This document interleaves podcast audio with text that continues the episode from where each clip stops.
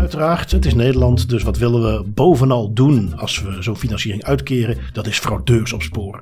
En fraudeurs opsporen, Oh, nee. waar doen we dat mee, Tim?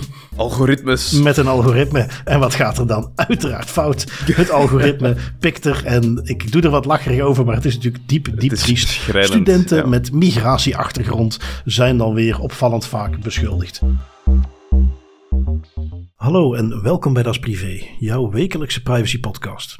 Iedere aflevering praten we je bij over het reilen en zeilen in de wereld van privacy. Digitale spionage, boetes, datalekken, nieuwe technologie, privacy tools, oftewel alles dat er in een week gebeurt in privacyland. Ik ben Bart van Buitenen en samen met privacyportier Tim van Haren hebben wij het privacy nieuws van deze week gecureerd en eruit gehaald wat er echt toe doet. En dat is niet zomaar iets, want we hebben een wereldprimeur in de stad Tiel. We hebben Nederlandse studenten die dubbel genaaid worden. En over naai gesproken, spermadonoren moeten binnenkort wellicht uit de anonimiteit treden. Al vindt de ene dat misschien wat erger dan de andere. Eh, verder heeft Noip een eh, wereldwijde surveillance achterhaald, waar ze ook een klacht hebben ingediend daartegen bij de GBA. En natuurlijk hebben we nog wat datalekken, autoriteitenacties. Oftewel alles paraat voor een nieuwe aflevering van Das Privé. Ehm, wat kleine updates, omdat het misschien niet interessant genoeg is om daar een heel verhaal over te gaan houden. Ehm, wij hadden al een tijdje aandacht voor het principe van de software supply chain aanval. Met andere woorden, je kunt een datalek hebben omdat partijen die jij gebruikt, verwerkers, leveranciers, op hun beurt een datalek hebben. Of omdat jouw verwerkers, jouw leveranciers op hun beurt weer een verwerker of een leverancier gebruiken die een datalek heeft. De twee bekendste daarvan, daar was dus weer wat eh, nieuws bij bekend. Eh, MoveIt. Dat is die file transfer tool. We hadden het daar in de vorige aflevering, of een van de vorige afleveringen ook over. Ehm, ja, die, die dus heel veel gebruikt wordt. Daar is nu de ene na de andere komt ermee naar buiten. Nu is het weer een of ander pensioenfonds in Californië. Inhoudelijk maakt het nog niet eens uit, maar het gaat dus weer om ontzettend veel gevoelige data. En eh, dit gaat voorlopig, waarschijnlijk de komende maanden, nog wel even doorgaan. Want één per één komen alle bedrijven die ervan gebruik maken, eh, die komen erachter dat zij er ook aan hangen. En dan gaan ze daar weer mee naar buiten moeten komen. En hetzelfde geldt een beetje voor Nebu. Eh, Herinner je nog in Nederland, dat eh, een beetje marktonderzoekachtig eh, bedrijfje, eh, die gebruik maakte van de software van Nebu. En Nebu, oorspronkelijk uit Canada, die dan weer een gigantisch lek had. Nu is het de gemeente Woerden die erachter komt dat zij daar ook door getroffen zijn. Ehm, en waarbij de gemeente Woerden dan nog wel moet eh, toegeven dat ze eigenlijk niet weten welke gegevens het eigenlijk zijn. Eh, ze hebben wel via dan Blauw, dat is het onderzoeksbureau wat eh, van de software gebruik maakt, hebben zij voor duizenden inwoners een onderzoek laten doen. Ehm, mogelijk zitten die gegevens erbij. Nou, dat kunnen we rustig, eh, niet zozeer mogelijk, maar zeer waarschijnlijk van maken. Eh, maar dus de gemeente Woerden heeft wel voor de rest geen idee welke gegevens er precies zijn doorgelopen en wat het is. En, dat, dat is bij veel van die dingen, hè, omdat ze nu helemaal heel weinig informatie hebben. Maar goed, twee om eh, nog gewoon even een update mee te geven. Ehm, die blijven voorlopig nog wel even terugkomen. Ehm, en dan hebben we iets, ja, ik vroeg me af, moet ik daar nou nog apart iets over beginnen? Maar eh, Mol heeft besloten om het cameranetwerk in het centrum uit te breiden. 23 extra politiecamera's op 18 nieuwe locaties. Ehm ja, burgemeester, in dit geval een CD&V-burgemeester Wim Kraaiers. Eh, Zo zullen we altijd beelden hebben, mocht er zich iets voordoen in de stad, zoals een fietsdiefstal. Heb jij wel eens een ervaring gehad met een fietsdiefstal, eh, Tim? Eh, nee, gelukkig niet. En ik ken wel een aantal mensen die ervaring hebben gehad met fietsdiefstallen. En die zijn helaas, zover dat ik weet, hoe, ja, het is anekdotisch natuurlijk, maar voor zover dat ik weet, nooit opgelost met camerabeelden. Allee, ook opnieuw, we hebben het er heel vaak over. Het, het, eh, het P-woord moet hier wel eens vallen als het gaat over camera's. Proportionaliteit, als het gewoon is van, goh ja, we zien wel wat erop gebeurt. En als er iets is wat dan nuttig is, dan kunnen we dat achteraf gaan gebruiken. Is geen geldige reden om camera's overal te gaan neerpoten. Ja, en eh, hier in Mol, eh, ja, ze hadden er rond station wel een paar hangen. Eh, die zijn verouderd, dus ja, die moesten we toch eens gaan upgraden, zei men. En werd er samen met de politie besloten om daar meteen dan maar eens serieus te gaan investeren in een uitbreiding. Ehm, al dus de burgemeester, langs de ene kant puur preventief, langs de andere kant ook om in noodsituaties snel te kunnen ingrijpen. En ja, een, een afschrikwekkend effect voor criminelen, wat dan ook een voordeel is. Ehm, ik denk, beste burgemeester, dat je dat al bedoelde toen je het had over preventief, maar goed, dat terzijde. Ik hoop natuurlijk dat de camera's zo weinig mogelijk werk hebben, zegt hij dan nog. Ehm, ja, iets waar ze dus al twee jaar mee bezig zijn. uiteraard staat er voor de rest in het artikel niks over.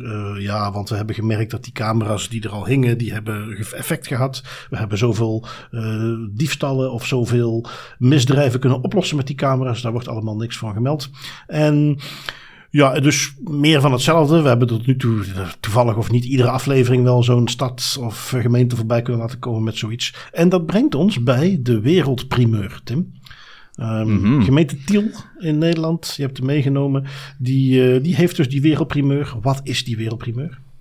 Ja, het is uh, voor de allereerste keer dat we het hier in de podcast kunnen hebben over camera's in een, in een positief daglicht. Toezichtcamera's in wijkwinkelcentrum Rauwenof die gaan verwijderd worden de eerste keer dat we eigenlijk kunnen zeggen dat er camera's die origineel negen jaar geleden geplaatst zijn, nu na een herevaluatie van hun proportionaliteit, van hun subsidiariteit en hun noodzakelijkheid, dat er daar is gebleken van ja, eigenlijk uh, die camera's die hebben hun doel bewezen. Er was daar vroeger een probleem met overlast, met uh, lichte criminaliteit.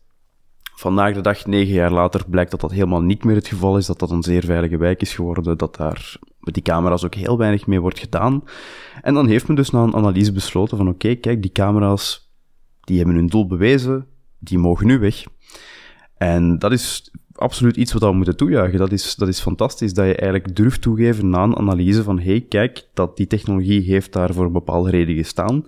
Die reden is op de een of andere manier verdwenen. Nu mogen die camera's terug weg. Dat is hoe dat je proportioneel te werk gaat. Een gevleugelde uitspraak van de burgemeester. Het is belangrijk om periodiek te toetsen of de juridische grondslag nog steeds aanwezig is. Om de inbreuk die het cameratoezicht maakt op de privacy te rechtvaardigen. Of dat dit niet meer het geval is. En hier besloot dus dat het niet het geval is. Het is, het is, het is ik, ik kan het bijna niet geloven dat het er echt staat. Ja, dat is, allee, daarmee, het is, het is niet dat we cynisch proberen zijn of zo, maar het komt gewoon zo weinig voor dat uh, men na het plaatsen van de camera's daar ook kritisch terug tegenover gaat staan en gaat evalueren of die camera's daar nog wel moeten staan. Ik vind het heel goed. Um, ze geven natuurlijk wel mee van, oké, ja, we zullen natuurlijk wel lopende die analyse blijven verder zetten en kijken of uh, de problemen criminaliteit, overlast, zodat die ergens terug zouden komen als de camera's weg zouden gaan. En dan kunnen we heel snel de camera's terug gaan plaatsen. Dus ze geven wel toe van, wel, ja, de, de hardware om die camera's terug te kunnen monteren, die blijft wel aanwezig. Maar de camera's zelf en het toezicht, dat verdwijnt omdat die proportionaliteit nu eenmaal uh, niet meer goed zit. Ja, nou, dat is, uh, het kan, het kan. Uh, gemeente een schoolvoorbeeld, hè? Ja. Wereldprimeur. Ik heb het niet echt heel erg opgezocht, maar ik ga er gewoon even vanuit met alle uh, artikelen die wij voorbij hebben laten komen over het plaatsen van camera's. Nog nooit in al die jaren dat wij ondertussen meer dan 120 afleveringen hebben opgenomen, hebben we ooit iets voorbij zien komen van camera's weer verwijderd. Dus we gaan het gewoon eventjes een wereldprimeur noemen van de gemeente Tiel. Um, ja, het af voor gemeente Tiel en haar burgemeester. Um, wat hebben we dan nog? Uh, we blijven nog eventjes in Nederland hangen. Want daar was een artikeltje, ik heb hem van RTL Nieuws uh, meegenomen. Um, getiteld Waakhond verkiest privacy boven aanpak hooligans. Nou, uh, Tim, op het moment dat jij een artikeltje voorbij ziet komen waar iets in staat van zeer logisch iets dat je zou willen doen, mag niet van privacy. Wat is het eerste dat jij denkt? Ja, dat er uh, iets veel anders aan de hand is, maar dan wordt dat gewoon simpelweg als het zwarte schaap behandeld en dan maar de vinger wijst naar de begrote boze GDPR of AVG. En uiteraard heb je helemaal gelijk. En is dat ook hier het geval. Um, maar hier laten een aantal Nederlandse politici van de VVD, CDA en PVV toch eens even blijken hoe weinig ze snappen van de privacywetgeving. Um, want het is natuurlijk weer gewoon de klassieker. Laat ik die meteen eventjes uh, meegeven voor iedereen die het niet al uh, meteen zelf ook al bedenkt. Het probleem is uiteraard niet dat uh, privacy in de weg staat van de aanpak van hooligans. Wat een, zeker op de Nederlandse velden. Ik heb dat, moet ik toegeven, ik hou best wel van voetbal, maar de Belgische competitie volg ik wat minder. Ik kijk meer uh, naar de Nederlandse. En daar is het afgelopen seizoen is, uh, geweld in stadia of uh, mensen die dingen gooien en dergelijke is, is flink uit de hand gelopen. Dus er willen eens iets mee gaan doen. Het probleem daarmee is dan vervolgens dat er geen wet is die het toelaat. Uh, men wil gezichtsherkenning gaan inschakelen. Uiteraard, wat anders. Maar goed, dit is een context waarin ik dat best snap. Uh, maar de wet is heel simpel. Ben jij een kerncentrale, ja, dan mag je gezichtsherkenning toepassen ter beveiliging. Maar dat is niet iets wat zomaar in een voetbalstadium kan. De oplossing is dus een wet maken die dat toelaat. De oplossing is niet gaan zeggen, ja, dit komt door um, de AP, de autoriteit persoonsgegevens. Um, de, en ja, die moeten we toch ook eventjes met naam en toenaam noemen. Uh, Tweede Kamerlid Rutmer Herema van de VVD, van de CDA-collega Bart van den Brink en van de PVV Lilian Helder. Die vinden allemaal dat de leiding van de AP eigenlijk maar zou moeten opstappen. Want die belemmeren het uh, uitvoeren van uh, criminaliteitspreventie of opsporing. En dat is allemaal de schuld van de AP. Um, en uh, ja, zoals het goed bedoeld is natuurlijk uh, in, in politieke terminologie. Um, als zo'n club, ze bedoelen de AP, als zo'n club bij herhaling de verkeerde beslissingen neemt, moet je als ministerie nadenken of dit wel de juiste bestuurder voor deze organisatie is. Um, nou ja, goed. Uh, gewoon weer het klassieke, maar ik wil hem uiteraard niet laten liggen. De klassieker. Privacy gaat inderdaad voor het moment dat je geen fatsoenlijke wettelijke basis hebt om dingen te doen. En dan is de oplossing niet gaan mekkeren over privacy. Dan is de oplossing die wettelijke basis voorzien. Iets wat de drie Kamerleden in kwestie perfect kunnen door een voorstel in te dienen om een wet te maken die het mogelijk maakt. Dus uh, de bal ligt geheel bij hen zelf en niet bij de AP. Eh, dat is dan ook het meest frappante aan dit hele verhaal, is inderdaad dat die Kamerleden namelijk in de politieke positie zitten om verandering teweeg te brengen, om hun problematiek aan te pakken en in plaats van een duurzame, want dat is een duurzame manier om die problematiek aan te pakken. Hè. Zorg dat er een wet is, dat dat allemaal goed wordt gecontroleerd, dat de juiste checks en balances worden uitgevoerd. En wat gaat men doen in de plaats daarvan vanuit de politiek? Met de vinger gaan wijzen naar, het, naar de autoriteit die erop moet toezien dat de wetgeving wordt nageleefd. Dat is... Ja ja, dat is de wereld op zijn kop. Ja, maar het is, uh, het is ook weer dat seizoen in Nederland. Uh, je haalt de publiciteit en dus je stemvolk niet door te gaan zeggen: laten wij een gepaste wet maken die de juiste wettelijke basis voorziet. Maar door te gaan zeggen: de AP is afschuwelijk, privacy staat in de weg van hooligans aanpakken, uh, de leiding moet vervangen worden. Nou, dat klinkt natuurlijk veel leuker, zoals RTL Nieuws ook weer bewijst. Want uiteraard in het artikel brengen ze die nuance nergens aan. Hè? Al zouden ze maar gewoon even hebben meegegeven: de betreffende Kamerleden lijken zich niet bewust van hun eigen initiatiefrecht om een wet in, op te stellen. Um, of iets minder gevat, maar zelfs enige nuances zat er allemaal niet bij. Dus ja, typisch hè, typisch. Maar, maar het komt nog wel eens terug op een puntje waar wij ook al heel vaak hebben aangehaald. Los van al ons cynisme, er is hier maar één oplossing voor. En dat is zorgen dat uh, men, en dan kijk ik toch nu even vooral naar de politiek, en dat is zeker in België niet anders, dat men daar echt moet zorgen dat die politici gewoon wat beter gesensibiliseerd zijn over wat die wet nu inhoudt. Want, en daar, daar kun je over heel veel wetten zeggen, hè, maar de, die privacywetgeving is iets waar we nu zien dat dat op zo vaak, op zoveel manieren terugkomt. Ook op politieke thema's, omdat het bijna iedere burger aanbelangt dat is nu iets waar eigenlijk ieder Tweede Kamerlid in Nederland of bij ons in um, de Kamers, dat men een soort basiskennis zou moeten gaan meegeven aan die mensen. Zodat we in ieder geval de, de, de domste fouten eruit kunnen halen. Um, en natuurlijk ook even meegeven dat de privacy toch iets minder iets is wat ze zo makkelijk weg moeten geven. Als ze denken dat er uh, wat veiligheid gewonnen kan worden. Dus ja, nee, dat zijn allemaal dingen die ik toch um, interessant zou vinden als die in de politieke arena wat uh, beter voorbij komen. Um, wat hebben mm -hmm. we mhm. nog? De Rijksuniversiteit Groningen, die lijken te willen beweren dat ze bepaalde gegevens simpelweg niet kunnen wissen. Nu, dat is niet iets waar de universiteit zelf mee naar buiten is gekomen. Uh, als ik me niet vergis, AG Connect heeft daar een artikeltje aangeweid. Je hebt hem meegenomen, Tim. Uh, wat is er aan de hand? Ja, de, de Rijksuniversiteit Groningen die kampt met verschillende privacyproblemen. Zo blijkt dat um, interne documentatie, waaronder ook een verslag van de functionaris gegevensbescherming, zoals dat in Nederland heet, of de DPO, zoals het in de rest van de wereld heet. En daaruit blijkt dat de Rijksuniversiteit Groningen maakt, net zoals een heleboel andere uh, scholen en universiteiten en hogescholen, gebruik van software, van applicaties, om uh, aan studentenadministratie te doen, om hun diensten te kunnen aanleveren aan de maatschappij, aan de studenten. En er zitten een aantal boosdoeners tussen volgens het verslag van de, van de FG. Drie die er worden uitgelicht met naam. Het cloud-gebaseerde Brightspace, dat een soort online learning management system is, een leeromgeving voor studenten. Het ERP-softwarepakket van AFAS en de applicatie Progress.net. Dat is een informatiesysteem dat eigenlijk de inschrijving geregeld en resultaten en intekeningen voor vakken verwerkt. En wat, wat is daar concreet het probleem?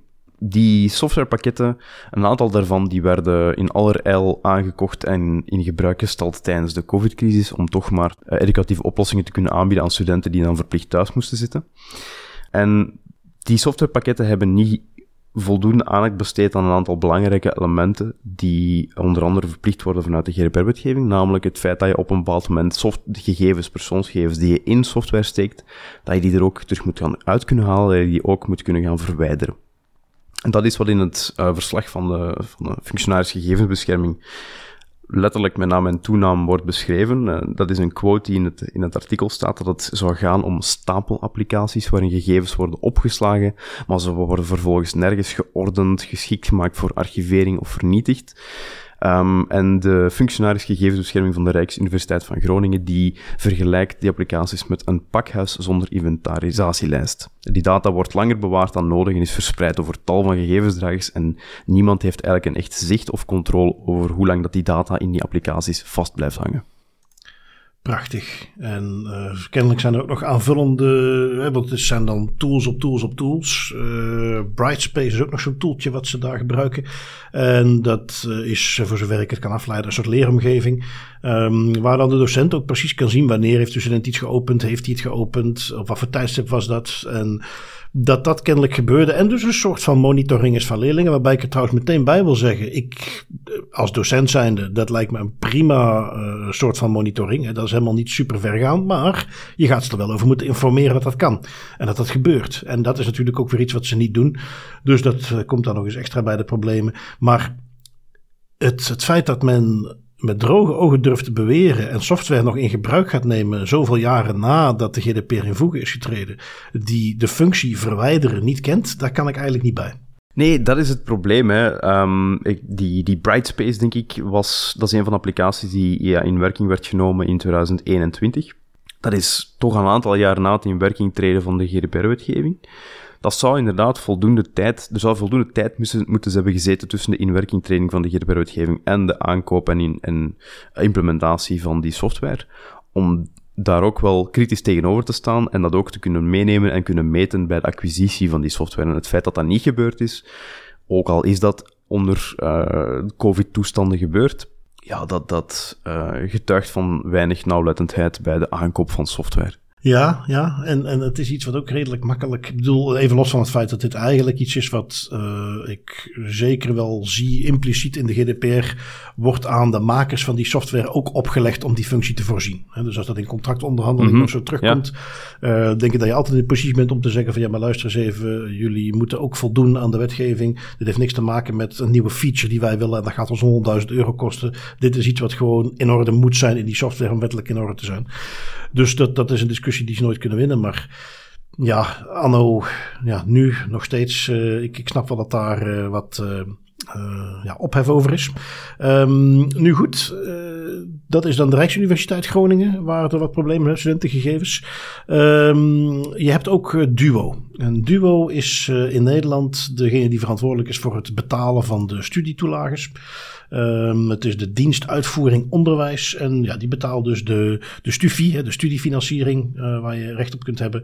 Um, uiteraard, het is Nederland, dus wat willen we bovenal doen als we zo'n financiering uitkeren? Dat is fraudeurs opsporen. En fraudeurs opsporen, oh nee. waar doen we dat mee, Tim? Algoritmes. Met een algoritme. En wat gaat er dan? Uiteraard fout. Het algoritme pikt er, en ik doe er wat lacherig over, maar het is natuurlijk diep, diep triest. Studenten ja. met migratieachtergrond zijn dan weer opvallend vaak beschuldigd. Um, als ik zeg uh, opvallend vaak, dan uh, bedoel ik van de 376 studenten die beschuldigd waren in de afgelopen 10 jaar, die door advocaten zijn bijgestaan, zijn specifieke zaken, 367 daarvan, dus op een haar na 98%, zijn studenten met een migratieachtergrond.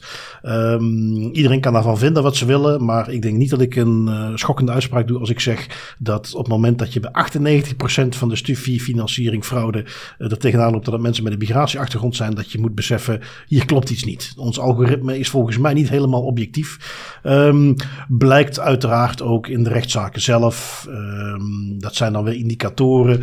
Uh, bijvoorbeeld een klassieker, mensen met een migratieachtergrond is het veel waarschijnlijker dat die nog bij uh, familie inwonen als ze uh, studeren. En puur het mm -hmm. feit dat je nog ergens inwoonde, was een indicator voor extra fraude. er zijn echt, ja, soms vraag je je absoluut af hoe, hoe kan dit? Als je gaat kijken naar de indicatoren die eruit komen, ik zou bijna denken, iedereen met een beetje gezond boerverstand en die dat bekijkt, die beseft, hé, hey, wacht eens even, dit dit, dit, dit pikt mensen eruit. Hier discrimineren wij mee. Maar ja, bij Duo heeft niemand ooit die reflex gehad. Um, ja, ik, ik weet niet welke. Ik mag hopen dat iedere overheidsorganisatie, misschien ook privé, maar goed, iedere overheidsorganisatie die de woorden fraude en algoritme ergens terugvindt in hun organisatie, bij elkaar in de buurt, die moet dit gaan bekijken. Want ja, het is niet grappig meer. Hè? Hoeveelste keer is het nu wel niet dat we zo'n algoritme met uh, fraudebestrijding terugkomen en dat men daar iedere keer weer de uh, verkeerde categorie uitpikt? Het, het,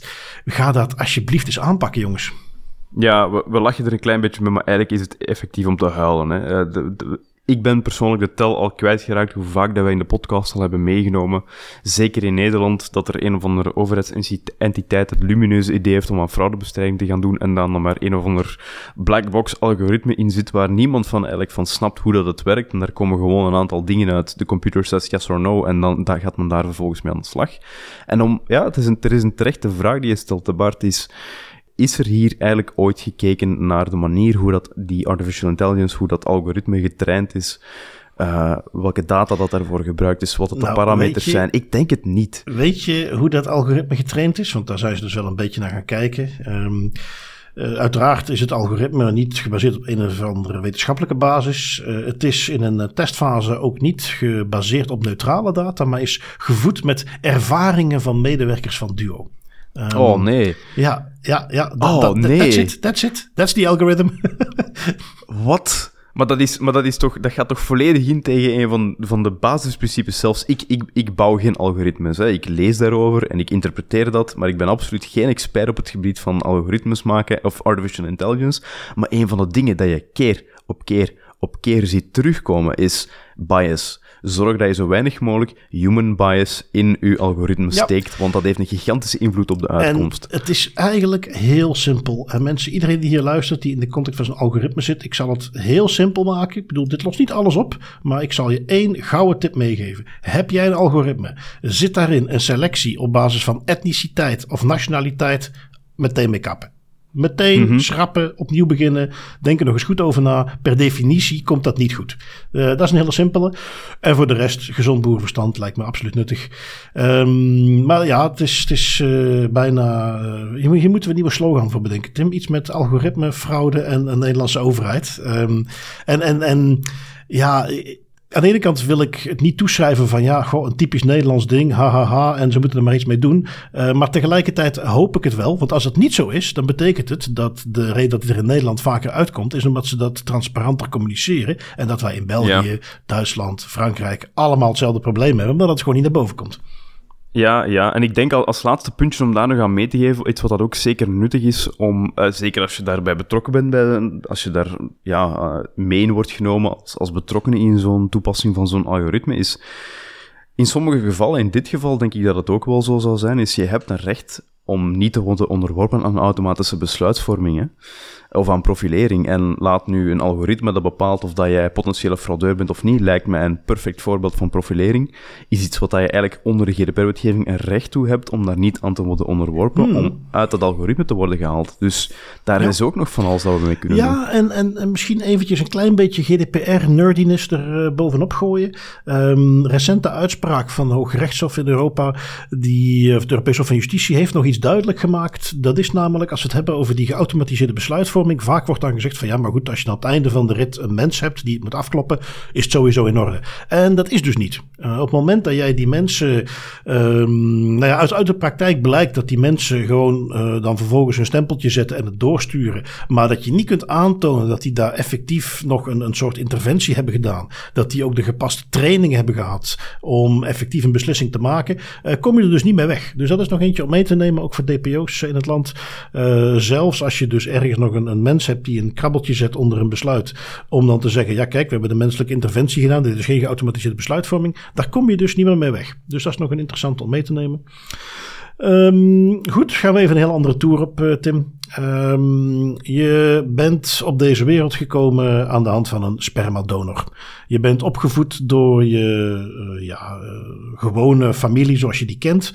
Uh, maar op een gegeven moment word je dan door je ouders verteld van ja, kijk, we hebben dat via een spermadonor hebben we jou op deze wereld laten komen. Um, ja, dat, dat, dat blijkt toch keer op keer dat dat, en ik bedoel, je kunt je dat wellicht ook prima voorstellen, dat heeft een gigantische impact op zo'n kind. Um, tegen dan wellicht geen kind meer, volwassenen dan. Die gaan op een gegeven moment toch willen weten, ja, maar wie is mijn vader Waar komt die vandaan? Um, in België hebben wij uh, het recht om anoniem te zijn als spermadonor. En ja, iemand uh, die het daar niet helemaal mee eens was, uh, die vond ik heb echt wel het recht om te weten wie ik ben, was een, een jonge dame uit Brugge. En uh, die is ondertussen 30. Op haar 18 had ze dan gehoord dat ze dus donorkind was. En ja, die wilde toch eigenlijk weten, ja, waar kom ik vandaan? Uh, die had zelf kinderen. Die zag daar bepaalde trekjes, kenmerken in terugkomen die ze niet kon plaatsen uh, bij de moeder. En um, die is via van die online DNA-databanken, waar je van die onderzoekjes kunt laten doen. Denk aan MyHeritage. is Ancestry. Ancestry.com en zo. Dat soort dingen, precies. Ja, ja, ja. ja, ja. Um, is die op zoek gegaan naar een match. Uh, die heeft een speekselstaal ingestuurd. Die is bij een achternicht uitgekomen. Uh, omdat ze de stamboom van de moederskant natuurlijk wel helemaal kent. Uh, kon die ook achterhalen van ja, dit moet vanuit mijn vaderskant zijn. dus de spermadonor. En die is dan samen met een vriendin uh, die zelf ook donorkind is. En die zich vervolgens heeft bijgeschoold tot genetisch genealoog. Uh, wat mij niet eventjes een tussendoorstudietje lijkt. Dus dat geeft maar eens aan hoezeer die drang er is bij die mensen. Hoe belangrijk het voor hen is om dat toch te weten. Uh, en waarom ik daar zo over doordraam, kom ik zo op terug. Um, goed, die zijn daarmee aan de slag gegaan. Uh, hebben dan uiteindelijk dus effectief gewoon een man kunnen vinden. Waarbij ze zeiden van ja, dat, dat moet hem zijn. Um, die man is via de rechter gedwongen om zijn DNA af te gaan staan. Uh, om dus te gaan bevestigen of dat wel of niet uh, de vader is. Um, en dat is dat punt waar ik het net zo, zo over doordramde. Daar heeft die rechter dus een afweging gemaakt tussen aan de ene kant het recht van die spermadonor om anoniem te blijven. En aan de andere kant de impact op het leven van een donorkind. En die heeft dus besloten dat die impact zwaarder doorweegt. En dat die man die DNA-test gaat moeten laten doen. En dus zijn anonimiteit als spermadonor wellicht. Als ik even hoor hoe die dat onderzoekje heeft gedaan, dan gaat daar waarschijnlijk effectief uitkomen. Jij bent de spermadonor. Um, ja, uh, ik vond dat heel erg interessant als, als, als menselijke casus rond anonimiteit. Um, en ja, dat het dus kennelijk, men verwacht nu dat dat een, een uh, domino-effect gaat hebben, omdat dus die wetgeving waarschijnlijk aangepast moet worden en dat dat stukje anonimiteit dus vervalt. Ja, en, en misschien ben ik hier op dit vlak een, een beetje onwetend of naïef, ik weet het niet, en correct me if I'm wrong, maar dus als die persoon, die, die, die vrouw van 30 nu inderdaad te weten komt wie dat haar biologische vader is, so to speak. Wie dat, het is, ja, het is, het is vreemd, want het is een spermadonor. Um, dat, dat is toch een louter emotioneel argument. Er is toch geen enkel juridisch gevolg aan. Er is toch geen verplichting van zorg of iets dergelijks dat daar aan vasthangt. Het is gewoon, nu weet je wie dat eigenlijk degene is die sperma heeft gedoneerd. Dat, dat ervoor heeft gezorgd dat jij op deze wereld rondloopt. Maar dat is een louter emotioneel argument. En dus ik vind het bijzonder dat de afweging hier is gemaakt dat het belang van het kind zwaarder doorweegt dan de privacy van de spermadonor. Ja, nou goed, ik bedoel, ik, ik heb de, de, de uitspraak zelf of zo heb ik eh, er niet bij gepakt. Uh, um, ik denk dat, maar dan ga je kijken, kijk, uh, anonimiteit of privacy is een, is een relatief recht. En men is het dus hier gaan afwegen. En mm -hmm. uh, net wat je zegt, die man zelf heeft vervolgens nog steeds de keuze of hij daar ook maar enige interesse in wilt hebben. Die heeft geen enkele verplichting. Die kan zeggen, oké, okay, nu weet je wie ik ben en uh, nu oprot alsjeblieft. Um, en dan is daar niks aan te doen. Dus al de gehoopte kennis en, en toch weten wie ben ik, waar kom ik vandaan. Ja, als die man daar geen trek in heeft, dan heb je nog steeds niks. Um, aan de andere kant, wat zijn de, de nadelen voor die man? Uh, ja, op een gegeven moment is dat, is dat geweten. En, en, en ja, die gaat dus gewoon gekeken hebben, die rechter, de, de impact op het leven van die man, als hij dat wilt, is beperkt. Uh, Oké, er is nu iemand die weet dat, ja, dat hij de, de donor was. Uh, versus, en, en dat zie je, en we hebben daar um, bij een Deense autoriteit is daar ook eens een, een uitspraak over geweest. Um, wat een gigantische impact het heeft op het leven van die, uh, van die donorkinderen. En, en, en hoe graag die toch kennelijk, zal ongetwijfeld niet voor allemaal gelden, maar hoe graag die toch kennelijk willen weten wie is de donor. Um, Ik heb het meteen gelinkt met een ander artikeltje dat ik uh, voorbij zag komen op de VRT. Um, een zogenaamde massadonor. Um, en dat is meteen een extra link waarom je zou kunnen zeggen: het is misschien niet slecht als die anonimiteit van donoren wordt uh, opgehoffen. Uh, Jonathan Meijer is namelijk uh, ja, de massa-zaaddonor. Die heeft waarschijnlijk rond de 550 nakomelingen die met zijn wow. zaad zijn verwekt. Um, dat zijn een soort aantallen die uh, impact kunnen hebben op de diversiteit van de genenpool. Um, wat ook een van de redenen is waarom dat natuurlijk helemaal niet mag, zoveel zaad doneren. Maar mm -hmm. Jonathan vindt dat zijn zaad kennelijk zo breed mogelijk verspreid moet worden. Uh, als je de foto van Jonathan ziet, zie je iemand met lang golvend haar, uh, full Chippendale outfit, kralenketting, hemdje ver open. Uh, als je die van achteren zou benaderen, zou je misschien denken dat is een vrouw, zou niet meer staan in een mooie El Serve campagne. In ieder geval, die uh, besloot dat hij die anonimiteit dus flink ging gebruiken. Want die heeft dus op een heleboel plekken uh, gewoon meerdere keren zaad gedoneerd. Um, in Nederland, naar eigen zeggen, uh, meer dan 100 kinderen, opnieuw wettelijk niet toegestaan. België 35 uh, is kennelijk zeg, echt op zoek gegaan naar uh, online platformen waar hij zijn zaad ter beschikking kon stellen. Waar wensouders dan met hem in contact konden komen. Waarbij hij zei van ja, ik trek niet zoveel aan van de regeltjes, bij mij kun je altijd terecht. Um, en heeft dus op die manier een soort onweerstaanbare voortplantingsdrang, zoals hij zelf zegt. Um, om dit soort maniakken te beteugelen, lijkt het me ook niet slecht dat die anonimiteitsoptie verdwijnt. Daar breng je dan wel meteen een heel goed argument aan om, om, om dat soort wanpraktijken eigenlijk tegen te gaan. Daar, valt heel veel over te zeggen. Ik weet niet of het allemaal nuttig is dat we in deze podcast gaan, gaan vertellen.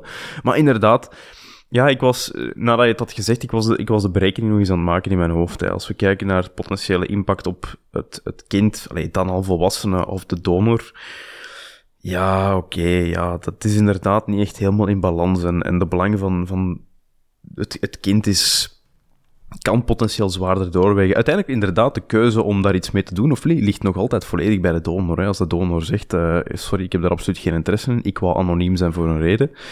Ja, dan zet je die gewoon aan de deur. Als morgen die anonimiteit wegvalt, kan je dat nog altijd doen. Ja, ja, precies, precies. En uh, ja, ik, ik vind dat ergens ook naar sensibilisering toe voor die donoren uh, niet slecht. Hè? Ik bedoel, wees je bewust mm -hmm. van uh, wat je doet. Uh, ja, nee. Dus ja, heel interessante casus waarbij we meteen je in eerste instantie misschien denkt van, nou goed, aan de kant van uh, de gewone spermadonor en een, een, een, een, kind die dan op zoek gaat, ja, daar is die anonimiteit voor bedoeld. Maar dan pak je er even een paar handgevallen bij, wat ook de nadelige gevolgen zijn, nog even los van donor en kind, uh, van het feit dat het anoniem is. En dan denk ik, um, ja, samenvattend, ik steun het aspect dat spermadonor toch eigenlijk niet anoniem zou moeten zijn. Men moet dan maar een goede manier voorzien om, om een poging te kunnen doen contact te leggen Uh, en dat uh, op het moment dat de donor daar niet op zit te wachten, dat dat vervolgens op een goede manier opgelost wordt. Uh, maar nee, ik, ik, ben daar, ik ben er wel voor. Ja, ja ik kan er, kan er wel mee akkoord gaan. Er zijn nog een aantal dingen waar je dan rekening mee moet houden. Hè, van hoeveel informatie wordt er dan vrijgegeven aan het donorkind, welke informatie. Maar op zich, het idee dat het anoniem gebeurt vandaag de dag, is misschien een beetje achterhaald wel. Ja, ja denk ik ook. Denk ik ook. Uh, goed, gaan we door naar Ierland. Um, Ierland heeft met Noip natuurlijk al wel het een en ander meegemaakt. En een van de dingen waar zij zich over bekloegen is het feit dat Noip vaak de informatie die zij binnenkrijgen uh, bij de verschillende zaken die ze lopende hebben, dat die er ook mee naar buiten treden. Um, nou, daar hebben ze nu kennelijk wat gelobbyd bij de Ierse regering, want die hebben een nieuw wetsvoorstel aangenomen. Jij hebt hem meegenomen, Tim. Wat staat er in dat wetsvoorstel?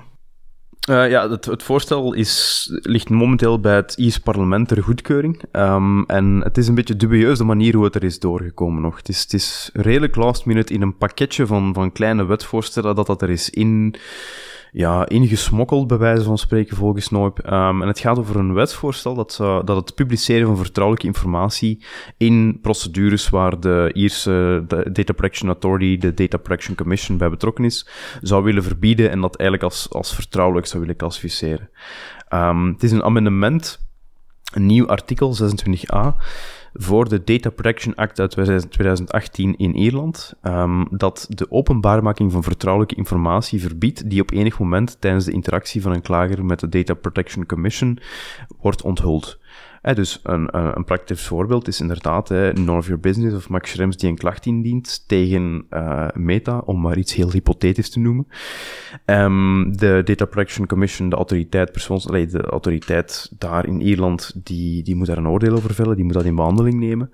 Um, en alle informatie die langs beide kanten binnenkomt tijdens die procedure, tijdens dat proces, naar aanleiding van de klacht, zou, als dat wetvoorstel wordt, wordt aangenomen door het, door het Iers parlement, zou um, bij wet verboden worden om nog te, te delen met, ja, met het publiek of met de media. Dus al die informatie zou potentieel bestempeld kunnen worden als vertrouwelijk. Um, op een arbitraire wijze, naar gelang wat de Data Protection Commission vertrouwelijk acht.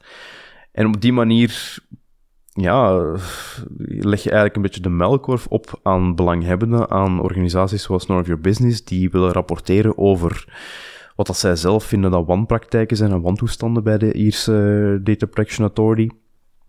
Dus dat is, ja, dat, dat is een beetje problematisch en ik volg None of Your Business daar wel in. Ik vind het heel belangrijk dat zulke, zulke discussies um, niet achter gesloten deuren plaatsvinden, maar publiek plaatsvinden, zodat het ook duidelijk wordt wat het eh, belangenafwegingen zijn, wat de balansoefeningen zijn die gemaakt worden. Ik denk dat zowel voor particulieren als voor professionals zoals ons het heel nuttig is dat wij een inzicht krijgen in die discussies, in de bewijsstukken die meegeleverd worden.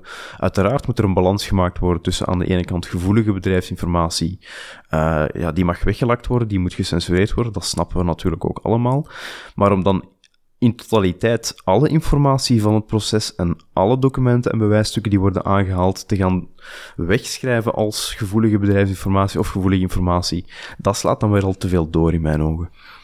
Ja, nee, absoluut. Dat vind ik ook. Het, het, riekt als een poging om uh, transparantie en uh, meer duidelijkheid uh, of, of dingen naar buiten kunnen brengen tegen te gaan.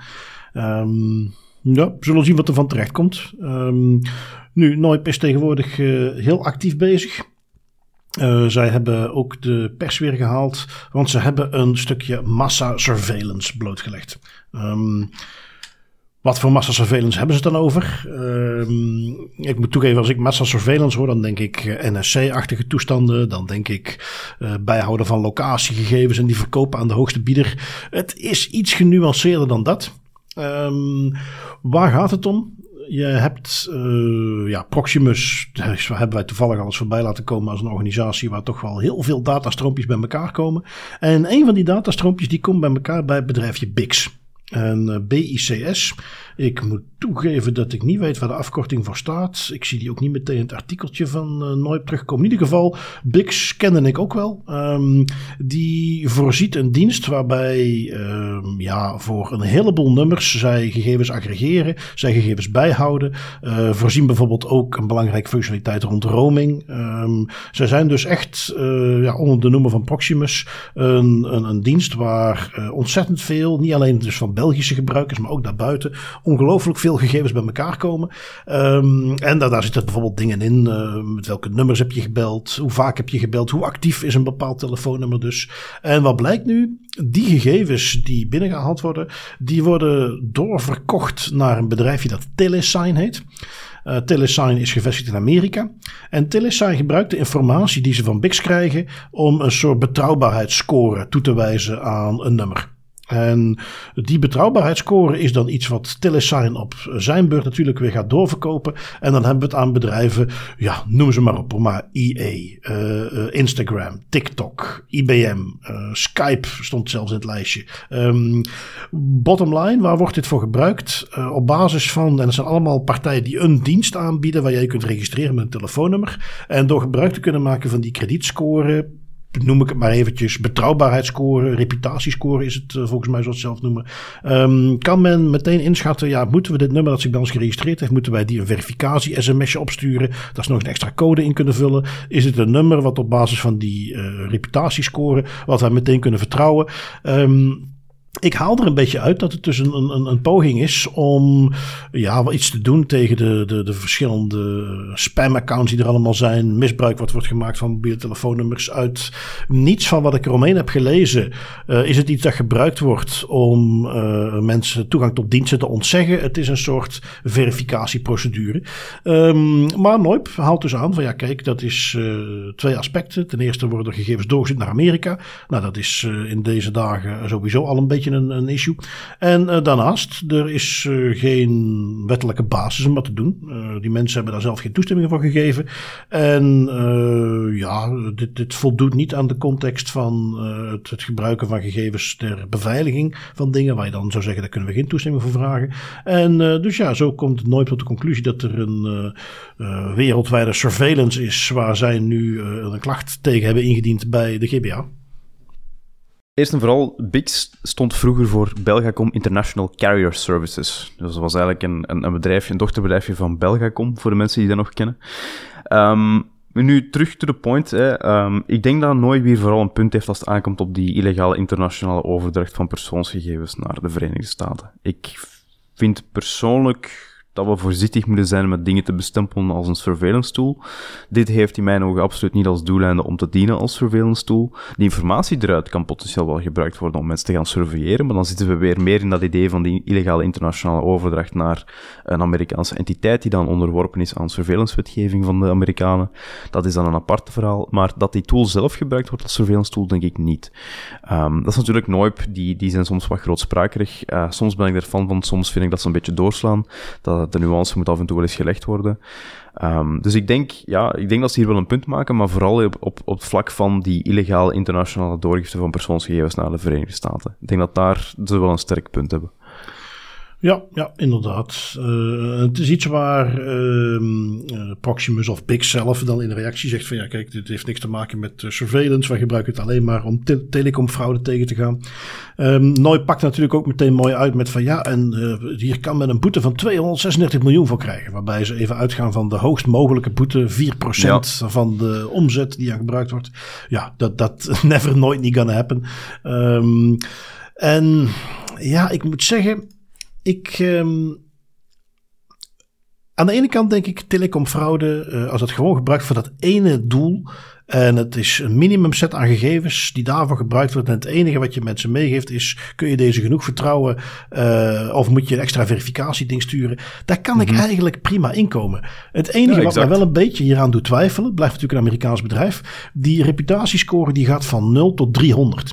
En ja, waar is die granulariteit voor nodig? Van mijn part dat je een score van 0 tot 10 doet. En dat je dan een aantal parameters hebt waar die score uit berekend wordt. Maar 0 tot 300 insinueert voor mij, en opnieuw, dit blijft natuurlijk een Amerikaans bedrijf, dat zij die data op nog heel veel andere manieren verrijken. En dat is natuurlijk meteen het probleem uh, bij dit soort dingen. Je hebt een doorgifte waarbij je zegt van, goh, maar die doorgifte met deze doeleinden, dat hoeft toch geen probleem te zijn. Maar vanaf dat je er allerlei andere data bij gaat trekken, en opnieuw, Amerikaanse bedrijven doen niet liever dan dat, um, dan wordt het ineens een ernstig risico. En misschien dat het specifieke scenario dat ze er nu hebben uitgepikt, wat misschien ook in de overeenkomst staat die Bix heeft, um, namelijk die reputatiescore, ja, dat is één ding. Maar voor wat voor andere dingen gebruikt Telesign dat nog? En um, opnieuw, het feit dat ze een score van 0 tot 300 eraan koppelen, wekt bij mij de indruk dat er dus veel meer parameters moeten zijn dan degene waar Bix kennis van heeft. En dat is natuurlijk wel een heel terecht punt wat Noip heeft, uh, wat ze dan niet op die manier aanhalen. Maar goed, dat dit de basis kan zijn van een veel uitgebreidere surveillance die plaatsvindt. En dat dat begint bij de doorgifte van Bix met die telefoonnummers. En uh, ja, dan is dat toch een serieus probleem. Ja, exact. Dat, dat, dat, is, dat is in mijn ogen ook het, het primaire issue hier, is, is het feit dat dat wordt overgegeven aan een bedrijf dat een veel op een heel andere manier omgaat met persoonsgegevens dan dat de meeste Europese bedrijven dat tegenwoordig doen. Uh, niet dat alle Europese bedrijven het fantastisch perfect doen, maar over het algemeen, eh, die Tango GDPR-uitspraak komt toch ergens vandaan. Ze doen het beter dan de Amerikaanse bedrijven. Ja, dat denk ik ook. Um, goed, Amerikaanse bedrijven, die kom je dus helaas te pas en onpas tegen. Um, de Nederlandse overheid is al vaak de revue gepasseerd met hun eh, SLM-rijk, Service Level Management Rijk, oftewel de entiteit die ze hebben opgezet, speciaal om die grote Amerikaanse partijen een beetje tegenwerking te kunnen bieden als het gaat om uh, contractuele afspraken. Um, een van de dingen die ze daar dus bij doen is uh, gecentraliseerd voor heel veel van de bekende providers. En Google en Microsoft zijn de revue al gepasseerd. En um, de, nu is er dus een, een, nieuwe die ze ook geanalyseerd hebben: AWS, Amazon. Um, en daar voeren ze dus allerlei DPIA's en Data Transfer Impact Assessments vooruit. Ze hebben dat nu ook dus gedaan voor AWS. Die is recent gepubliceerd. Tim, hoe lang denk jij dat ze daarmee bezig zijn geweest? Met het maken van de DPIA? Ja, met het maken van de DPIA. Dus vanaf Oeh. dat ze voor de eerste keer eraan begonnen te schrijven, totdat ze uiteindelijk een finale versie zoals nu gepubliceerd hebben. Uh, goh, ik zou denken een dik jaar, anderhalf jaar. Oké, ehm, probeer 2,5 jaar. Oeh, oh wauw. Ja, versie Ja, dat is toch 0.1 aanzienlijk langer. is van 15 februari 2021. Ehm, en ondertussen zijn we dus eh, juni eh, 2023 en is er nu een publieke versie. Ehm, nu goed, voor de goede orde, wat zit daarin? Dat is dat ze de eerste invulling doen. Dat is dat SLM zelf input doet. Dat is dat ze een versie maken die ze voor het eerst naar Amazon gaan sturen. Die wordt dan naar Amazon gestuurd. Die sturen dan reactie terug. Ehm, om je ook een idee te geven, want zo gaat het natuurlijk snel. Hè? In maart 2021 is er een clean versie voor Amazon. 22 oktober 2021 eh, komt er dan eindelijk eens wat feedback van Amazon zelf. Maar goed, die komt dan toch wel. Dus goed, zo gaat die termijn natuurlijk snel lopen. Ehm, maar om maar te zeggen, dit is niet iets wat iedere organisatie zomaar even kan doen. Ehm, ja, zoals altijd, als die mensen van de Privacy Company, want dat is dan de organisatie die ze daarvoor inhuren, die moeten daar trouwens een gigantisch contract hebben voor uh, al die DPIA's. Um, als die met zo'n uh, resultaat komen, dan uh, ja, zit daar een, stevig documentje onder. We hebben het nu over een fijne 120 pagina's waar je doorheen moet ploegen. ik ga ook eerlijk zijn, ik heb hem nog niet helemaal gelezen. Ik skip altijd gewoon eventjes naar het lijstje wanneer het gaat over de risico's. Um, ik moet wel toegeven, er zijn twee dingen waarbij ik wel het gevoel heb, daar maak je er een beetje makkelijk van af. Um, het eerste is dat men zich heeft beperkt tot de toch redelijk klassieke diensten van Amazon. Uh, het is te zeggen uh, virtuele machines, uh, EC2 instances zijn dat dan, um, S3, dus gewoon de klassieke opslag. dus de, de echt relatief simpele producten. Um, waarbij ik wil zeggen, hoe complexer die producten worden die je kunt afnemen bij hun, waarbij het vaak betekent dat zij zelf meer doen, dat zij niet alleen maar gewoon een stukje online computertje geven, online cloudopslag geven, maar dat er echt van hun kant meer mee gebeurt. En voor de volledigheid, dat is wat je nu steeds meer ziet als organisaties diensten afnemen van Microsoft, Google, Amazon. Is dat niet meer gewoon een uh, computertje in de cloud ergens? Daar zitten allerlei diensten bij. En daar zit hem vaak de complexiteit. En dus in die zin is dit een beetje de makkelijke oplossing. Of de, de nou, ik moet het niet te negatief zeggen. De makkelijkste variant van producten die ze eruit hebben gekozen. Zal ongetwijfeld bewust de scope zijn geweest, maar is niet meer helemaal relevant als je kijkt naar wat voor producten ze allemaal aanbieden. Dus dat is punt 1. Ten tweede wordt er ook een beetje een escape genomen. Uh, want je hebt een uh, onderdeel van die producten, dat heet Amazon Nitro. Um, dat is uh, ja, volledig encrypted, dus volledig versleuteld. Op zo'n manier dat theoretisch um, Amazon zelf niet meer kan zien wat er op die virtuele machine staat. Um, dus die zijn zo opgezet dat jij uh, alle fijne dingen hebt van computers in de cloud hebben staan. Maar dat Amazon, uh, en Microsoft heeft ook zo'n heeft ook zo'n oplossing trouwens, dat Amazon uh, niet meer kan zien wat erin staat. En dus als de Amerikaanse regering komt kloppen, Schrems 2 context, dat ze die gegevens niet kunnen geven. Um, daar zitten dan, ja, dat, dat je daarop vertrouwt dat dat zo in elkaar zit. Dat is iets waar bijvoorbeeld, ik heb daar wat ervaring mee bij dit soort uh, oplossingen uh, bediscussiëren bij autoriteiten. En de autoriteiten die ik ben tegengekomen, bijvoorbeeld de VTC, die zijn iets kritischer in de zin dat ze aangeven, ja oké, dat is leuk dat dat in theorie zo beschreven staat, maar werkt het ook echt zo? Is er een onafhankelijke verificatie? Nou, dat zie ik in deze DPA niet terugkomen, die vraag. Um, ook wat praktischere dingen, dat dat toch ook meteen veel duurder is. En uh, is het dan echt wel noodzakelijk om daarmee te gaan werken? Dat, dat is nog een tweede. Um, en, en waarom haal ik dat dus zo aan? Want eigenlijk de bottom line van uh, de analyse is: ja, nee, geen probleem. Als je deze dingen doet, zijn er alleen maar lage risico's die je dus kunt oplossen met bijvoorbeeld die Amazon Nitro. En ik vind dat wat te gemakkelijk. Ja, ik moet toegeven, ik heb de DPIA zelf nog niet bekeken. Um, terwijl ik dat doorgaans wel hele, hele nuttige documenten vind dat de Privacy Company maakt. Ik ben er wel een fan van, van die manier van werken. Nu, misschien is, dat, misschien is het een eerste stap. Hè. Um, ik weet dat de, de Rijksoverheid van Nederland al een aantal DPA's heeft laten uitvoeren, onder andere door voor Google en voor Microsoft. En dat zijn altijd verschillende elementen van het grotere ecosysteem. Dit zijn de allereerste, denk ik, die door Privacy Company allee, toch publiek werden uitgevoerd voor Amazon. Misschien dat men gewoon begint met de simpele features ja, en de kan, simpele kan, ja. diensten. En dat men vervolgens, omdat men dan nu ook wat meer kennis heeft en die contacten heeft opgebouwd met Amazon, dat men dat vervolgens gaat uitbreiden. I don't know, ik heb geen inzicht in hoe dat, hoe dat, dat werkt achter de schermen. Maar uh, ja, je moet ergens beginnen. En ik vind op zich, het zijn eenvoudige oplossingen. Nu, zeker die, die uh, S3-buckets en EST, EC2-instanties en whatever, zijn toch ook nog courante oplossingen. Hè? Dat zijn ook dingen die vaak terugkomen als het gaat over datalekken. Dus als men die zonder de loop neemt en is van naderbij bestudeerd, dan ga je al heel veel usual suspects, denk ik, wel kunnen, uh, kunnen gaan behandelen. Ja, ja, dat klopt. Niet alles, maar swat, dat perfectie mag niet de vijand zijn van het goede uiteindelijk. Nee, nee en het is 100% goed dat dit werk gebeurt. Ik wil gewoon even de nuance meegeven. Kijk nu niet gewoon onderaan de streep ah, lage risico's mooi, kunnen blijven gebruiken. want er zitten behoorlijk wat ifs in. Hè, zeer beperkt stukje wat is meegenomen. En de magische oplossing van alles is versleuteld. Um, die moet eigenlijk toch nog eens een keertje onafhankelijk geverifieerd worden voordat we daar met z'n allen op kunnen steunen. En ik herhaal gewoon eventjes het stokpaardje ook van eh, deze podcast. Waarom ga je het niet gewoon in Europa zetten? Daar zitten nog andere strategische voordelen aan om gewoon niet alles bij Amerikaanse clouds te hebben zitten. Goed, um, gaan wij door naar het stukje datalekken. Want die zijn er een paar. Ik heb een mhm. kleintje als eerste meegenomen. Gewoon niet super relevant in onze Europese context. Want het gaat om uh, Dol, fruitgigant. Uh, je hebt er misschien de banaantjes wel eens van in de winkel zien liggen. Um, die hebben een uh, oepsje gehad. datalek waar 3900 medewerkers hun gegevens gelekt is. Het gaat om naam, adres, telefoonnummer, kopie van rijbewijs, social security nummer, paspoortnummer, geboortedatum en andere werkgerelateerde informatie. Um, Dol daarentegen stelt dat ondanks de diefstal van de gegevens er geen aanleiding is om te denken dat de persoonlijke gegevens van medewerkers zal worden misbruikt. As usual as usual, hè, want dat is, dat, is, dat is toch puur hobbyisme wat die hackers doen. Die halen die gegevens binnen en dan verwijderen ze die weer. Het gaat om de sport. Het is niet alsof er gigantische dark market webplaces zijn waar je die gegevens kunt verkopen, waar je daar geld mee kunt verdienen. Dat is allemaal niet aan de orde, toch? Het is, ja, ach, die gegevens, ze hebben ons uh, ermee te pakken gehad, maar die gegevens gaan ze weer netjes verwijderen. Dus geen aanleiding om te denken dat er iets mee misgaat. Dat is hetgene wat ik hier nog even wilde highlighten. Dat is zo'n cliché aan het worden.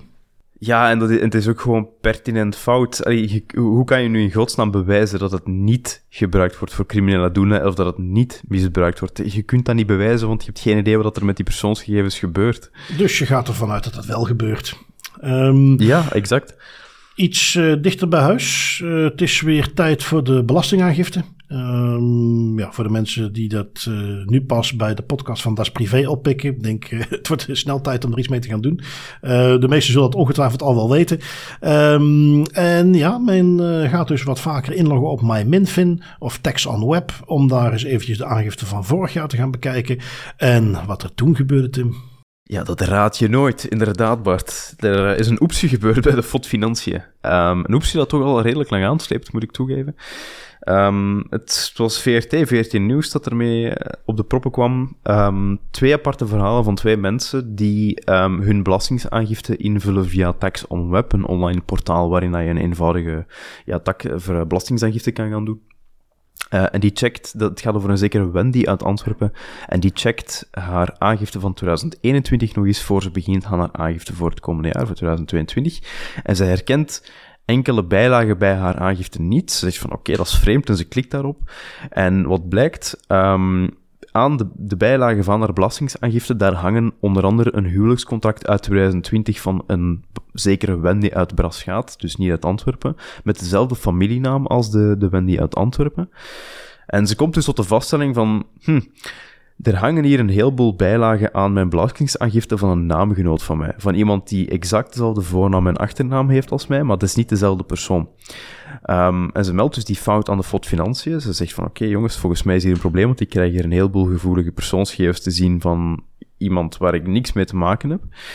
Um, en acht maand later, dat is acht maand geleden, acht maand later blijkt dat die fout dus nog altijd niet is rechtgezet, dat het dus nog altijd kan voorkomen dat als jij een naam genoemd hebt waarop, waarop dus als je naam op exact dezelfde manier geschreven wordt als iemand anders in België, dan kan het voorkomen dat de bijlage aan je belastingaangifte, dat die uh, fout worden meegegeven met de andere persoon met je naamgenoot. En hoe komt dat nu? Um, volgens het artikel van het VRT Nieuws, de FOD Financiën werkt voor een heleboel voor een heleboel zaken op basis van het Rijksregisternummer. Dat is een uniek identificatienummer. In Nederland kan je dat een beetje vergelijken met uw, met uw BSN, uw Burger Service nummer. Um, Nu, een aantal partijen die, die uh, bijlages aanleveren voor uw belastingen te kunnen doen, of uw belastingaangifte te kunnen doen, zeker kleinere instanties en kleine instellingen, die maken nog geen gebruik van het rijksregisternummer, die maken gewoon simpelweg gebruik van de naam en van de voornaam voor de identificatie. En daar loopt, kan het dus ergens mislopen dat door die documenten binnen te krijgen waar geen rijksregisternummer op zit, dat die dan bij de verkeerde persoon, bij een naamgenoot, terechtkomen. En dat is, ja, dat, uh, dat is blijkbaar na acht maanden nog altijd iets dat niet is rechtgezet. Ja, kijk, als dat dus ergens diep in de systemen uh, een, een, probleem ligt, wil ik ergens van geloven dat je dat niet snel gefixt krijgt. Maar het is natuurlijk perfect te fixen. Hè? Het is niet een beetje de Rijksregisternummer niet gebruikt. Ja. Bedoel, er zijn dingen zoals uh, geboortedatum die je daar aan kunt koppelen. Ik bedoel, uh, het probleem van uh, persoonsverwarring is iets wat ze ook al voor het Rijksregisternummer wisten hoe ze dat moesten aanpakken. Dus ja, nee, dat ehm, is, daar komen ze niet sterk uit. Wat financiën, dit soort, nee. dit klinkt heel erg 1990, dit soort problemen. Klungelig, inderdaad, klungelig vooral. Ja.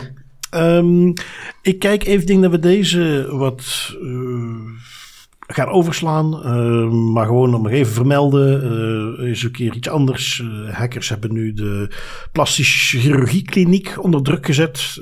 daar hebben ze data van gestolen. En op het moment dat ze niet gaan betalen, gaan ze publiceren. Weer een klassiekertje. voor de liefhebbers in de show notes staat die meegenomen. Um, zijn wij toe aan onze autoriteiten. You. En de knil die kan er binnenkort weer 40 miljoen bijschrijven. Um, je ziet zowel in, in Italië, Spanje, uh, in België ook met de IAB en dus ook in Frankrijk. Die zijn daar echt op aan het inzetten. het, het, het, de online surveillance economie, het continu tracken, de cookies die overal geplaatst worden, data die doorverkocht wordt. Daar is men echt op aan het inhaken. En dat is wat de boete van de knil van 40 miljoen ook over gaat. Ze hebben Criteo, voor de mensen die wat in de advertising zitten of die wel eens met veel met websites en, en, en trackers hebben gewerkt, die gaan die naam ongetwijfeld kennen. Uh, Criteo doet wat zoveel van die online uh, platformen aanbieden. Zij zijn degene die de cookies plaatsen, die dan gegevens verzamelen en die dat in een soort online veiling die plaatsvindt op het moment dat je een website bezoekt en waar dan allerlei bedrijven op kunnen bieden en die dan gepersonaliseerde gegevens doorverkopen. Criteo is ook zo'n bedrijf. Um, zij liepen aan tegen de absolute basale punten die je goed moet hebben als je dit soort dingen doet. En die zij dus niet goed hadden. Uh, zij konden niet aantonen dat de mensen die ze, wiens data ze gebruikten, dat die toestemming hadden gegeven. Konden niet aantonen dat die goed geïnformeerd waren. Als je dan je recht op inzage wilde uitoefenen, dan deden ze dat niet goed. Als je vroeg om je gegevens te verwijderen, deden ze dat ook niet goed. En uh, uiteindelijk hadden ze zo nog een aantal wat meer juridische dingen die niet in orde waren. En dat uh, noopte de knil ertoe om hen de zowat maximaal mogelijke boete op te leggen van 40 miljoen euro. Ja, die kan tellen, hè? Daar uh, gaat Criteo eventjes voor over achter hun oortjes moeten krabben. Um, ja, niet te versmaden. Geen das privé zonder IPD. Wat heeft de IPD deze keer meegenomen, Tim? Uh, ze hebben twee keer een boete gegeven van 90.000 euro aan, aan twee verschillende mediakanalen. Um, waarom net? Dat was, dat was best wel interessant. Um, dat waren nieuwsites en die hadden een, um, een video met daarin een overzicht van een Excel-spreadsheet met persoonlijke gegevens, de voornaam en de achternaam van 56 vrouwen die het slachtoffer zijn geworden van seksueel geweld of seksueel misbruik, hadden ze gepubliceerd in de video. Um, en ja, weinig verrassend, de AIPD concludeerde daar dat eigenlijk het recht op privacy van die slachtoffers, zeker maar het hier gaat over vrouwen die al eens slachtoffer zijn geweest van seksueel misbruik of seksueel geweld, dat dat veel zwaarder doorwoog dan het, ja, de persvrijheid of het recht op informatie voor het grote maatschappelijk publiek, dat de nieuwsites opperden dat ze konden gebruiken. En daarvoor krijgen ze allebei een boete van 90.000 euro. De oorspronkelijke boete, zoals dat gewend is bij de AIPD, was 150.000 euro, maar omdat die nieuwsites... Um, vrijwillig hun fout hebben toegegeven en hun verantwoordelijkheid hebben toegegeven, is de boete kort in contant ver verlaagd naar 90.000 euro. Ja, ook lekker oldschool in beeld Excels of beeldschermen met gegevens laten zien. Ja. Dat is uh, te voorkomen. Um, even zien, we hebben nog iets van de Garante. Die heeft uh, nog eens flink wat boetes opgelegd. Uh, even zien, ja, je had ze meegenomen, Tim. Wat ja, boetes zijn dat is, het is, het is eigenlijk um, ze hebben twee boetes die voor dezelfde reden zijn uitgegeven. Eén van één boete is 176.000 euro aan uh, de stad Rome. Een andere boete die, er, die een oorsprong vindt aan dit incident is een boete van 239.000 euro aan AMA. En AMA is eigenlijk een uh, dienst die zich bezighoudt met het beheer van een aantal, um, van een aantal begraafplaatsen in en rond de stad Rome.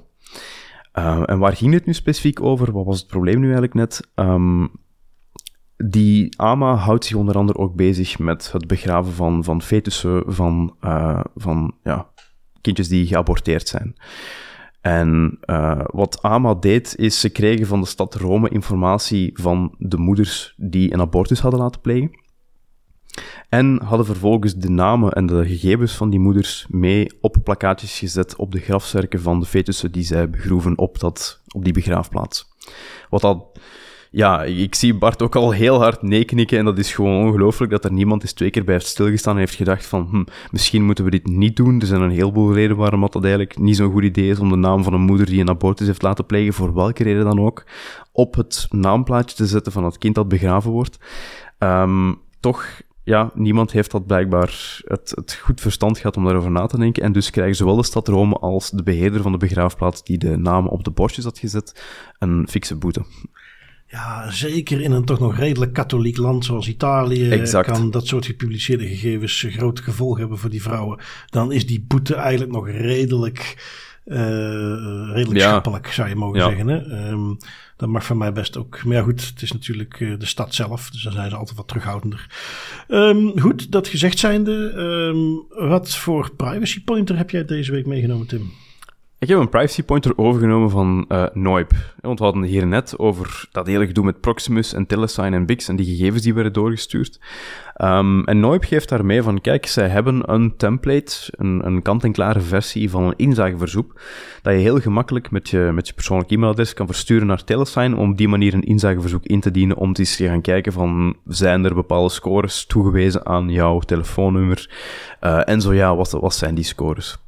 Ik heb het zelf ook al net verstuurd voor we aan de podcast begonnen. En ik ben eens benieuwd wat dat mijn score gaat zijn. 300, Tim, 300.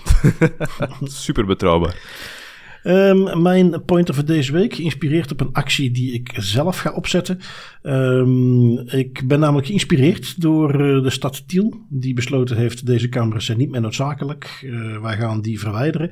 En wat ik via openbaarheid van bestuur ga opvragen bij de klassieke grote steden in ons land, is of, dat ik graag toegang wil tot alle bestuursdocumenten die te maken hebben met het meten van de effectiviteit van de camera's die ze hebben hangen. Um, wat ik verwacht, zal ik er eerlijk bij zeggen, is dat ik die nergens ga krijgen. Omdat ze zeggen, die bestaan niet, die documenten. En dan weten wij dus, want dat is wat ik wil weten. Um, welke stad in ons land doet überhaupt op een of andere manier onderzoek naar... zijn die camera's die we hebben eigenlijk wel effectief? Ik hoop dat ik daar vervolgens uh, wel allerlei replieken krijg. Um, ik vrees dat ik dus van de meeste steden antwoord ga krijgen. Ja, zo'n analyse doen wij niet. Maar goed, dat op zich is alweer iets wat uh, we dan uh, iets mee kunnen gaan doen. Want ja, dat is iets waar wij al vaak nog hebben besloten dat is hoog, hoog, hoog dringend nodig. Dus uh, ja, dat is uh, mijn pointer is dan concreet. Doe dat ook eens voor de gemeente waar je zelf woont. Um, wat ik ga doen, ik ga een heel simpel templateje, want dat is eigenlijk helemaal niet moeilijk. Ik ga een heel simpel templateje ga ik uh, op de website zetten. Uh, zodat we hier een leuke gezamenlijke actie van kunnen maken.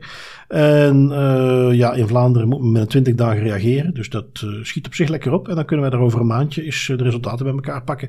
Dus mijn concrete, mijn privacy pointer is: pak de template die we op de website gaan publiceren. En gebruik die om een aanvraag te doen, inzage of toegang tot bestuursdocumenten die gaan over het meten van de effectiviteit van alle camera's. Mooi idee. Cool.